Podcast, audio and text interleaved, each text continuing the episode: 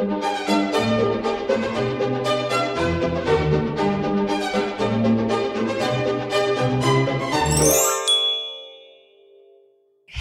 och välkomna till Kungligt. Med Jenny Alexandersson. Och Sara Eriksson. Vi har ju väntat och väntat och väntat på ett besked ifrån drottning Elizabeth och eh, redan i förra veckans avsnitt av Kungligt så pratade vi just om att vi anade att det låg ett beslut nu och puttrade och så bara sa det pang och i fredags så släpptes det här som vi har väntat på, eller hur Jenny? Ja, då kom ett pressmeddelande från Buckingham Palace och eh, det är därför vi spelar in ett specialavsnitt av Kungligt som vi släpper lite tidigare än vanligt. För det här pressmeddelandet det innehöll just beslutet som vi väntat på. Och vi ska prata, analysera, reda ut vad som har hänt och det faktum att Mexit nu har trätt i kraft på allvar. Men jag tänker så här, vi kanske ska passa på att inleda avsnittet med vår fantastiska vignett. Vi har ju faktiskt en vignett för veckans Harry och Meghan. Kanske blir det sista gången den kommer på tal. Vi klipper in den här.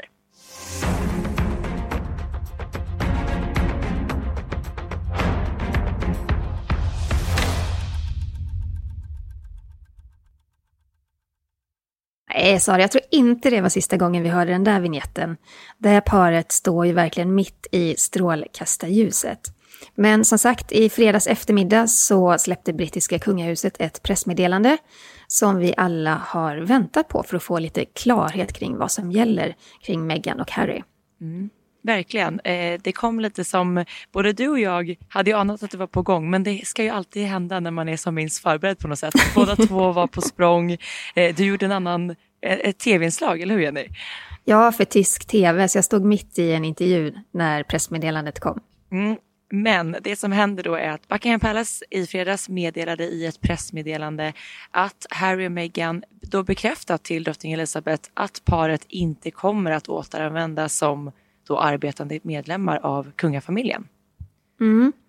Och det stod då att efter samtal med prins Harry så bekräftade drottning Elizabeth att det är inte möjligt för Harry och Meghan att fortsätta arbeta med de ansvarsområden och skyldigheter som följer den kungliga plikten. Så Harry han förlorar sina tre hederstitlar inom militären. Och dessutom så blir både Harry och Meghan av då med sina eh, hedersuppdrag som beskyddare för olika organisationer. Och de ska då återlämnas till drottningen och fördelas om inom den brittiska kungafamiljen. Och hovet avslutar då hela det här meddelandet med eh, det de skriver att de är ledsna över beslutet men att Harry och Meghan fortsatt då är älskade medlemmar av kungafamiljen. Eh, och det här meddelandet Jenny, det är ju precis vad du har pratat om i snart ett års tid, eller hur? Ja, det stämmer.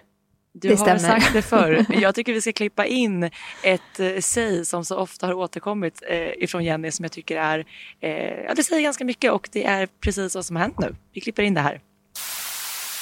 De har slämt igen dörren till den kungliga världen så att det bara smäller om det. Med ja. en sån här eh, affärsuppgörelse med Netflix så är det omöjligt för dem att kliva tillbaka in i kungahuset därför att kungl kungligheter ska hålla sig neutrala. De ska inte göra business på det här viset. Men vad, vad var dina första du? tankar? Ja. Liksom, ja, då pratar vi i mun igen. Det är svårt på ja, distans. Men det är svårt på distans, men jag är väldigt nyfiken på vad du tänkte när pressmeddelandet kom. Nej, men I och med det vi pratade om i förra veckans avsnitt av Kungligt. Eh, Harry och Meghan hade ju precis då meddelat att de väntar sitt andra barn. Vi hade inte sett eh, någon som helst reaktion ifrån brittiska kungafamiljen. Så att vi pratade ju om att ett beslut kring parets framtid troligtvis var mycket nära med tanke på det här. Du menar, du menar reaktion på att bebisen Alltså graviditeten? Eller? Ja, för vanligtvis mm. så kommer ju då någon form av eh, något form av pressmeddelande eller uttalande ifrån brittiska kungafamiljen där de då meddelar det här eller någon form av tillkännagivande. Men det var ju helt tyst ifrån brittiska hovet och är fortsatt det gällande det här barnet. Mm. Och det i sig tyckte jag verkligen var så tydligt att nu är det någonting på gång som vi inte riktigt vet om men det ligger och puttrar. Så att när det här, att det här beslutet då kom samma vecka som vi dels fick reda på eh, att de väntar barn igen och även den här stora intervjun som ska göras med Oprah. Eh, det var ganska så givet att det kom. Men För samtidigt det... så är det ett stort maskineri som drar igång såklart. Men det var ju det här med Opera och intervjun, det var ju en stor bomb som släpptes. Det var ju alla kritiker kring Meghan och Harry, de satt väl mest tillbaka med poppa popcorn och hade väl förväntat sig någonting sånt här för att det var ju det, det var inte så att det kom som en blixt från en klar himmel, för många har ju liksom funderat över att det är nästa steg i parets strategi att eh, tala ut i en, i en intervju. Och det kommer de ju då att göra. Eh, så det var ju två stora grejer. Det var dels graviditeten, dels var den här intervjun med Oprah Winfrey. Och det sägs ju då att eh, Harry och Meghan, eh, de har tänkt att vänta med det till efter det här beslutet med drottningen. Men att det hade börjat läcka ut och då var de bara tvungna att gå ut med det. Ja, men det kan man ju tänka sig. Men vad, vad tänkte du när du fick ta del av det här meddelandet ifrån Buckingham Palace, Jenny? Jag blev inte jätteförvånad. För det skulle ju... Det, det, de, det var ingen, fanns ingen väg tillbaka för dem. Med så stora affärsmässiga kommersiella dealar, alltså i miljardklassen med Netflix och Spotify, eh, dessutom engagemanget i det politiska presidentvalet så går det inte att samtidigt representera ett land och representera en kunglig familj. Särskilt inte en sån konservativ kungafamilj och kungahus som, som det brittiska är. Det är helt omöjligt. Man kan inte stå oberoende när man gör sådana stora affärer. Och dessutom då, en kunglighet ska hålla sig neutral och får inte blanda sig i politik. Så att de hade ju gjort och tagit alla de här stegen som för mig i alla fall var helt tydligt att de kommer aldrig tillbaka till kungahuset. De har slängt igen dörren som du ja. har sagt Jenny, eller hur?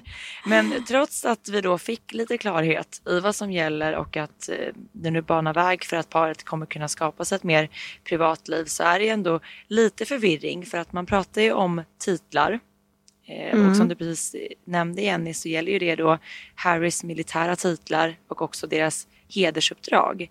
Men de här kungliga titlarna, då pratar vi alltså om kungliga höghetstitlar och eh, paret är ju också hertig och hertiginna av Sussex.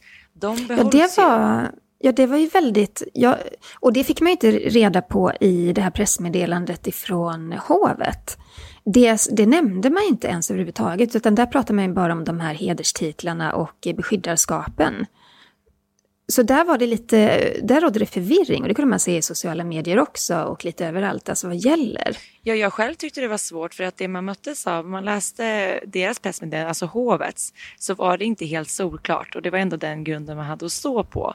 Och eh, i Storbritannien och även här i Sverige så rådde ju rubriker så här, de blir av med alla titlar. Eh, vilket mm. såklart då skapar förvirring, för där och då så räknar man ju då även med de här titlarna, men så är det alltså inte.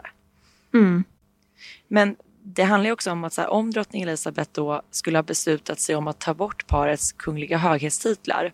Om vi tittar då till exempel, många gör ju parallellen till Sverige med att prins Carl Philip och prinsessa Madeleines barn inte längre utgör en del av det kungliga huset och de har ju faktiskt heller inte några höghetstitlar kvar. Mm. Eh, men i det här fallet kommer de då behålla dem. Eh, tittar man också då på till exempel prins Andrew så har ju han också de här titlarna kvar. Och hade då Harry och Meghan blivit av med sina då hade ju också det ifrågasatts för att han är ju inte heller längre en arbetande kunglighet och han befinner sig ju dessutom i en rättsprocess som är långt ifrån över. Och utöver Andrew så liksom Harrys kusiner då, Eugenie och Beatrice, de har ju också HKH-titlar och likaså Michael of Kent. Så att det är ju så det ser ut. Mm. Men jag tänker med Eugenie och Beatrice och Michael of Kent, där kan jag verkligen förstå det, för att de har fortfarande kungliga uppdrag. Och de har ju aldrig önskat lämna kungafamiljen eller begått något brott. Så där, det tycker jag är helt okej att de har kungliga titlar. Eh, och de är ju födda med det. Men jag tycker också man ska se på det hela ur ett historiskt perspektiv, för det är ytterst sällan, om än någonsin i modern historia, som en brittisk kunglighet har förlorat eh, höghet, eh, kunglig hög, he, kungliga höghetstitlar. eh, om man tänker då den största kungliga skandalen, det är ju om en något blekt i minnet nu för tiden kanske, det är ju Edvard den åttonde som abdikerade efter att ha gift sig med den här amerikanska kvinnan som var frånskild två gånger, Wallis Simpson. På den tiden var det en ultraskandal, alltså det, var, det är svårt att tänka sig idag hur stort det var. Men eh, kungen han fick titeln prins istället och han blev då titulerad hans kungliga höghet. Så att Harry skulle förlora hans kungliga höghet, det skulle, vara, det skulle vara exceptionellt om man tänker tillbaka på hur det sett ut i historien. Om en avgående kung får behålla den kungliga statusen, varför skulle inte Harry få det? Mm. Men det ska också tilläggas att det ser olika ut i olika länder. I Norge var det inget konstigt alls att prinsessa Märta Louise förlorade sin, eh, hennes kungliga höghet, höghet när hon gifte sig med Ari Ben. Och det sades ju även att det var hon själv som också hade önskat det, så det fanns ett samförstånd där. Hon ville kunna tjäna sina egna pengar. Och i samförstånd så såg man att då kan hon inte vara hennes kungliga höghet. Och tittar man i Sverige så förlorade ju faktiskt prinsarna Sigvard och Karl Johan Bernadotte omedelbart sina kungliga titlar, sina hertigtitlar, sitt apanage, sina ordnar samt hans kungliga höghet när de gifte sig med kvinnor som inte var kungliga. Det fanns ingen pardon. Och dessutom så blev de då fråntagna sina diplomatpass. Så i Sverige har det varit stenhårt vad gäller hans och hennes kungliga höghet. Ja, men inte på samma sätt. Där. Ja, men det har inte då varit på samma sätt i Storbritannien. Nej, men det jag tänker är till exempel då om man tittar nutid i Sverige eh, med prins Carl Philip och prinsessa Madeleines barn när man då väljer att göra som kungen beslutade om, att ta bort kungliga höghetstitlar, då blir ju liksom vägen till det här privata livet mycket enklare. Så är det ju bara. Eh, jag tycker det är en stor poäng. De alltså, kommer ju verkligen... kunna jobba med i princip vad de vill. De kommer kunna starta egna företag, tjäna pengar, vara politiskt engagerade om de så önskar, just för att de inte har någon som helst koppling rent titelmässigt till det svenska kungahuset. Och det måste ju underlätta deras liv framöver och framförallt deras privatliv. Och i det vi precis pratar om i det här avsnittet så handlar ju trots allt det här om att Harry och Meghan önskar ett större privatliv, ett bättre privatliv med mindre medial uppmärksamhet. Eh, jag förstår att drottning Elizabeth inte tar bort titlarna för dem, men det hade ju också kunnat vara ett önskemål ifrån Harry och Meghan mm. som ett drag för att få anses mer, mer privata. Liksom. Ja. Ja, jag, jag håller helt med dig. Och det är väl det som har orsakat så mycket förvirring också.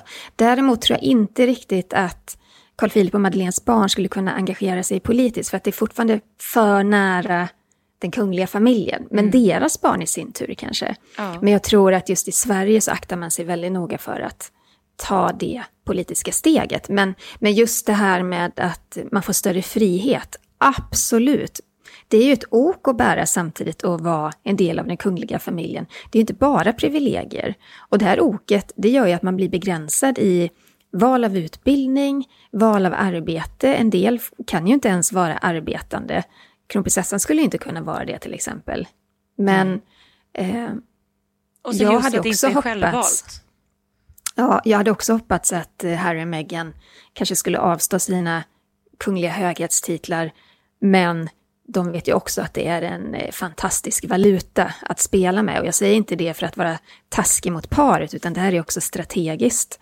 Alltså de är ju kända för att vara en del av den kungliga familjen och så kommer det vara i överskådlig framtid. Och de har ju kvar också sina hertig och hertig, hertiginnetitlar som de faktiskt får använda. Just så att det. det här är ju strategi tror jag. Men efter då att det här pressmeddelandet ifrån drottning Elizabeth eh, liksom eh, rullades ut och fick eh, en enorm spridning. Knappt en timme därefter så kom ju också ett uttalande ifrån Harry och Meghan via en talesperson ifrån parets eh, då PR-avdelning. Eh, vad var det egentligen de menade med det? Vad skrev de, Jenny? Jo, men det kom tätt inpå och eh, i stort sett så handlar det om, jag försöker citera här, fortsatt, att paret är fortsatt engagerade i sina plikter och tjänst för Storbritannien och runt om i världen och de har erbjudit sitt fortsatta stöd till de organisationer som de har representerat oavsett sin officiella roll. Och avslutningsvis då, vi kan, oj, vi kan alla leva ett liv i engagemang. Engagemang är universellt. Och här vill jag bara lägga in en brasklapp att det är svårt att översätta ordet service som de an, eh, använder på svenska. Men om man blandar ihop engagemang, plikt och tjänst så kanske de tre orden sammanlagt kan sammanfatta vad service är. Och när man pratar om drottning Elisabeth så pratar man mycket om att hon har liksom tjänat landet i så många år och med stort engagemang och känt plikt inför det. Eh, jag kan ju tycka att det här är lite provocerande och det fick ju faktiskt hovexperter och kritiker att gå i taket i Storbritannien. Eh, det här var ett direkt svar på drottning Elisabeths beslut och pressmeddelande om att ta bort deras beskyddarskap. Och många har ju faktiskt tolkat det som en uppläxning av drottningen. Hon om någon vet ju vad det innebär att under en hel livstid tjäna ett land och djupt engagera sig i att representera. Hade jag varit Harry och Meghan hade jag avstått från att skicka ut det här genmälet, helt klart. Ja, för som du säger Jenny så skapade ju det här eh, många, eller det var många kritiska röster som höjdes. Så man tyckte lite att de smällde Elisabeth på näsan genom att säga så här. Eh, mm. Vi kan ju till exempel lyssna på vad hovreporter Nicolas, Nicolas Wichell sa i BBC i fredags kort efter att det här då eh, kommit ut ifrån Harry och Meghans talesperson. an unspoken sentence which doesn't appear in the statement after that. A life of public service like I have led, like my husband has led at the age of nearly 100, like the rest of your family continue to lead, but which you have decided to opt out of. Of course, they're saddened, as the statement says. They're deeply disappointed, I think, that this is how matters have turned out. And then the Sussex's statement, which concludes with these couple of phrases We can all live a life of service. Service is universal. Isn't there just a sense there of thumbing their noses?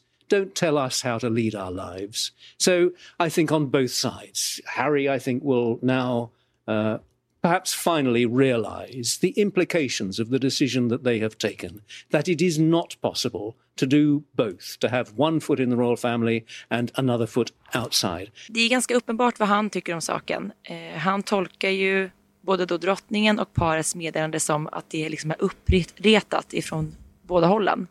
Eh, mm. Och Nicolas menar att det finns en, ett väldigt underliggande budskap, dels i drottning Elizabeths eh, uttalande, just det här om att ett liv i republik och att tjäna landet. Han menar på att hon då trycker på att, som jag själv gjort i snart 69 år, som prins Philip gjort hela sitt liv, han fyller liksom 100 år i sommar, och som resten av familjen gjort och fortsatt gör, men som ni har valt att hoppa av. Eh, och han tolkar ju också då att, precis som du var inne på Jenny, att det här Eh, meddelandet ifrån Harry och Meghan en liten smäll på näsan från Elisabeth. Ganska pang på att de tycker att det är fel att de blir av med de här hedersuppdragen. Ehm, och eh, hovexperten här säger också att Harry kommer att förstå att det inte är möjligt att stå med en fot i den kungliga världen och en fot i den andra. Och det är precis det som paret har fått kritik för egentligen hela året.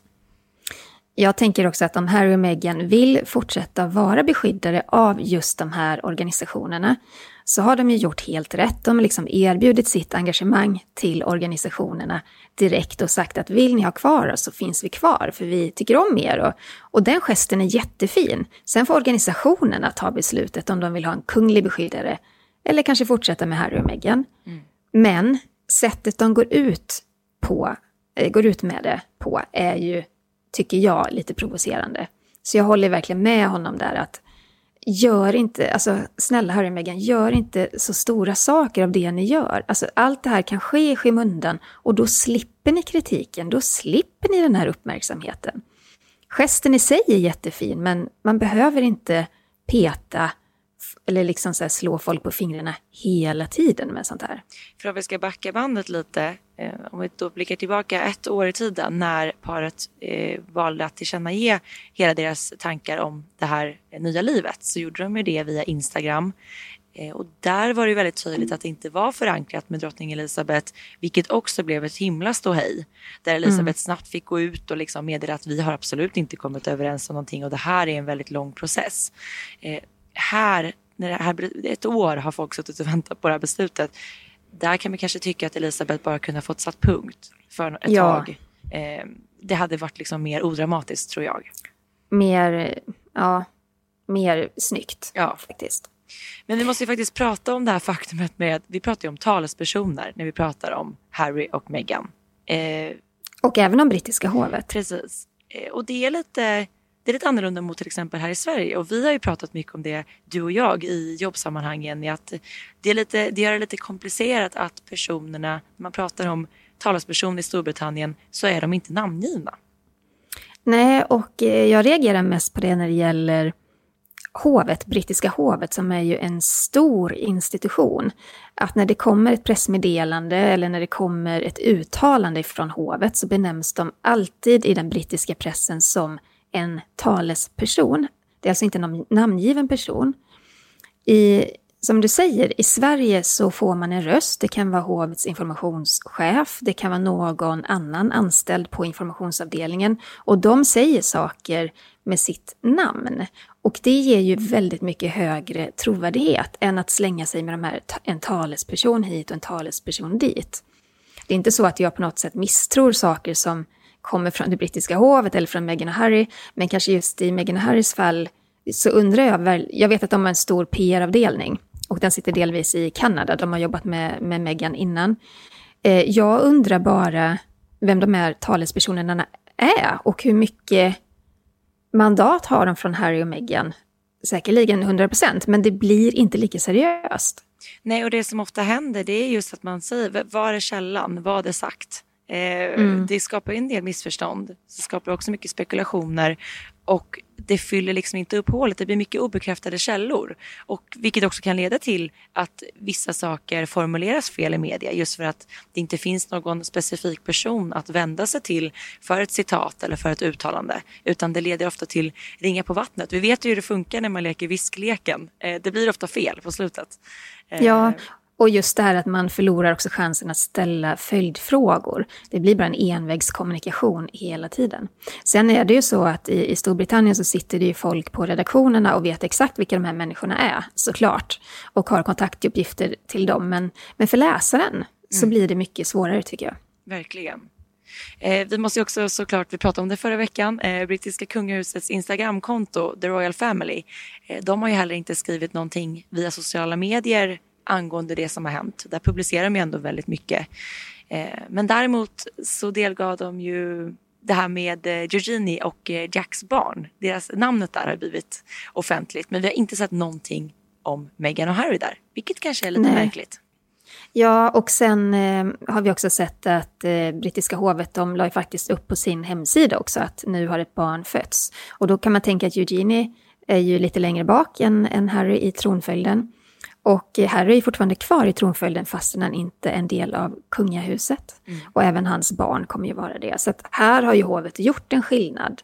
Och det här var ju innan, till och med innan beslutet kom, eller hur? Ja, Precis, och det var ju tydligt redan dels när Eugenie och Jack gick ut och berättade att de var gravida, men även när barnet hade fötts så var ju brittiska hovet väldigt snabba med, jag tror också de fick vara de första att bekräfta det här för omvärlden. Vilket mm. enligt det kungliga protokollet, det är ju så det ska gå till. Eh, men där, så har det inte gått till när det kommer till Harry och Meghan, vilket också är tydliggörs av beslutet vi fick ta del av i fredags. Att de nu inte längre kommer att eh, vara arbetande kungligheter och de kommer aldrig att återvända till det mm. brittiska kungahuset ska sägas. Det är viktigt att man skiljer på kungahuset och kungafamiljen här. Kungahuset är alltså eh, att de inte kommer jobba för det kungliga huset. Harry kommer alltid att tillhöra den kungliga familjen. Han är ju född i den. Ja, kungahuset är ju den officiella delen av den kungliga världen. Familjen är fortfarande familjen. Ja, precis. Men vad händer nu Sara? Vad, vad ser vi framför oss vad gäller Meghan och Harry? Ja men tanken med hela det här eh, beslutet och någon form av avrundning av det här prövåret det är väl att Harry och Meghan ska kunna ses som privatpersoner i större utsträckning. De ska kunna ha fler eh, valmöjligheter när det kommer till vad de vill arbeta med. Eh, jag tror absolut att vi kan räkna med att se kanske ännu fler dealar med eh, stora företag. Jag tror att de kommer verkligen bredda sin business eh, och det ska bli spännande att se vad de kommer välja att fokusera på eller om de kommer välja att skjuta väldigt brett här. Eh, man undrar också ifall att de fortsatt kommer att vara långt ifrån den brittiska kungafamiljen eller om de faktiskt kommer att eh, finnas där vid sammankomsten med familjen. Jag tänker framförallt då på i sommar, om det beror lite på också hur det går med coronautvecklingen och vaccinering och sådär. Men om vi kommer se dem vid drottningens firande Dropping the Collar? Kommer vi se dem vid prins Philips 100-årsfirande? Eh, kommer vi se Harry när eh, Dianas staty ska avtäckas på hennes då, skulle ha varit hennes 60-årsdag? Eh, det ska bli intressant att se. Man undrar lite hur relationen inom familjen ser ut. Förhoppningsvis så har det kanske lugnat ner sig lite grann till i sommar.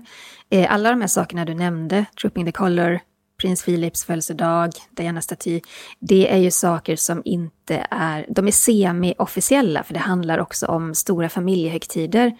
Så enligt protokollet skulle de absolut kunna vara med. Sen är ju frågan hur relationen till familjen är och om de känner att det är någonting de vill göra. Mm. Sen kommer vi inte få se dem eh, vid stora officiella tillställningar. Och deras barn kommer troligtvis att födas i USA. Det pratade vi om redan förra veckan. Och eh, frågan är om vi ens kommer att få ta del av någon bild på deras bebis sen, utan nu kan de verkligen välja eh, att vara helt privata om de önskar det. Jag tror vi kommer få se bild. Jag tror att det här med att vilja vara privat, det handlar mycket om att de inte vill bli eh, attackerade, ljugna om eller få ta emot rasistiska åsikter och sådär. Men i och med att de postade kring graviditeten så tror jag absolut vi kommer få se en bild. Det tror jag. Men där kommer de som privatpersoner kunna välja eh, mycket på ett mycket mm. bredare sätt hur de vill att det här ska mm. komma ut och så vidare. Vad tänker du Jenny? Vad tror du vi kan räkna med framöver av paret? Jag tror att de kommer vara mycket publika. Jag tror att de... Eh, jag är jättenyfiken på den här intervjun med eh, Oprah Winfrey. Den ska vara en och en halv timme lång. Det är sagt att det är en tell all, alltså att de ska avslöja allt. Och det vet vi genom pressmeddelandet att de kommer prata om utträdet ur kungafamiljen. De kommer att prata om sin tid, eh, livet efter kungafamiljen. Så den är jag jätteintresserad av. Jag tror att det kan bli spännande att se deras version det har ju också mött mycket kritik eh, just för att det är väldigt många som, som tycker att det är ett sätt för paret att, att liksom måla upp en bild av sig själva. Men jag menar att det har de all rätt att göra nu när de är utanför kungahuset. Så därför blir det extra spännande att mm. se vad de väljer att dela med sig av. Eh, jag tror inte det kommer vara så mycket kritik mot kungahuset alls. Harry har ju det i ryggmärgen att så gör man inte. Och han är, det är fortfarande hans älskade familj. Men det ska bli, se, eh, bli intressant att se vad de väljer att eh, prata om. Och när det då kommer till de här titlarna som vi precis nämnde så kommer de ju fortsätta att behålla dem. Eh, de kommer att få bruka då hertig och hertiginna av Sussex. och kungliga höghetstitlarna kommer att finnas kvar men de kommer inte att få använda dem. Visst har vi tolkat det rätt då? Ja, precis. Och det stämmer ju med det, den överenskommelse som var för, för ett år sedan att i kommersiella sammanhang så får de inte använda hans eller hennes kungliga höghet. Just det. Man undrar också så här hur det kommer bli med den mediala bevakningen av paret. Kommer den liksom att trappas av? Kommer den att bli värre eller kommer den att bli snällare? Eh, ja. Nej, jag ser, jag ser detta som den perfekta stormen. Alltså det här, i, i och med också att de sätter sig i en sån här lång intervju med Opera, Eh, det här kommer ju bli som en tornado och eh, tabloiderna kommer mangla allt de säger under en och en halv timme i veckor framöver. Och för varje ny eh, superdeal de gör med kommersiella företag så kommer man höra kring dem. Det här är ett par som, som vill synas också på ett visst sätt. Så länge de får ha sitt privatliv för sig själva så kommer de definitivt eh, att vilja vara en röst utåt. Eh. Men sen är frågan vilka sammanhang vi kommer se dem. Dels då, tror jag, underhållningsbranschen såklart. Men kanske också välgörenhet. Det har man ju sett från, från Meghan och Harrys sida att de eh, är ju med på flera välgörenhetsevenemang. Det gör de ju. Men om man då får liksom lite så helikopterperspektiv. Vi har ändå följt det här nu eh, väldigt lång tid. Om man får liksom blanda in så här eh, personliga känslor i det. Va, vad tycker du liksom Jenny? Vad tycker du? Tycker du att det är rätt tycker du fel? Och vad tycker jag? Alltså så här, hur, vad känner man mm. inför det här egentligen? Jag tycker det är helt rätt att de lämnar kungahuset.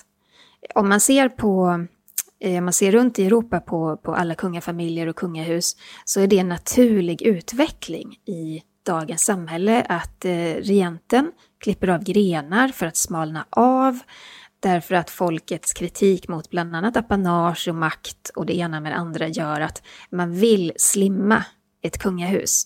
Man vill göra tydligt för alla vem som har rätt till vad och inte och vilka privilegier och så vidare och vilka ska representera landet. Jag tycker det är kanonbra beslut av Harry och Meghan att lämna kungahuset och sen göra sin grej. Det jag tycker är fel, det är sättet de gör det på. Eh, jag, jag, tycker mig se att det finns en, eh, ett agg på något vis mot eh, kungafamiljen. Jag tycker att, det är, att de har dåliga rådgivare. Vilken PR-expert ber att de ska skicka ut ett svar på drottningens pressmeddelande? Det tycker jag är helt upp i det blå verkligen. Eh, men det de har gjort, jättebra. För det, det ställer också brittiska kungahuset i en, eh, i en lättare sits. De har smalnat av sin, eh, sitt kungahus liksom. Ja, men jag kan inte annat än att hålla med dig. Det är precis så det ser ut. Och jag känner också stor förståelse för eh, Harry i och med att han så många gånger ända sedan han var liten har berättat liksom att han aldrig riktigt har, har trivts i den här rollen. Att han får, har upplevt väldigt mycket ångest av kamerablixtar, av det här mediala påtrycket just på grund av vad som hände hans mamma Diana. Att han väljer nu att ta ett kliv tillbaka, eh, det är helt rätt och likaså Meghan. Och jag hoppas att de kan hitta eh, ett liv de trivs med. Och precis som du säger, en idé som har blivit fel är väl mer vägen man har valt att göra det på och hur man kanske emellanåt har behandlat brittiska kungahuset i vissa uttalanden och vissa val de har gjort som liksom ställer till mer än vad det ger dem. Mm. Eh, vilket också har skapat en ännu större mediastorm och en ännu större mediahets. Eh, och det är precis det vi har pratat om, dubbla signaler. De kan få vara fria i större utsträckning om de hade valt att ligga lite lågt med allting. Men mm. de har väldigt varit så här frammarscherande i allting. Eh, och sen får man inte glömma också att eh, Meghan är en ambitiös kvinna och det har vi märkt från start. Och det råder just nu en ganska stor diskussion kring Meghan och hennes politiska ambitioner. Och eh, det är många som, som säger att hon siktar högt och vill ge sig in i politiken. Eh, och flera experter pekar på att det hon gör just nu, det här med att lobba för röstning i amerikanska presidentvalet, att vara synlig där, att engagera sig i viktiga frågor, allt sånt, så det har ju andra politiker med kändisbakgrund gjort före henne.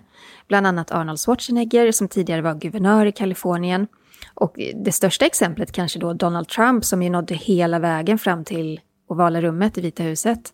Vi har också sett eh, rapparen Kanye West. Han ville ju också ställa upp i presidentvalet men, men han drog sig ur till slut då. Men eh, Ronald Reagan var ju skådis innan han blev politiker och president så att det här med att eh, röster höjs för att Meghan har siktet inställt på presidentposten, det kan vi i Sverige tycka är att nej, men lägg av.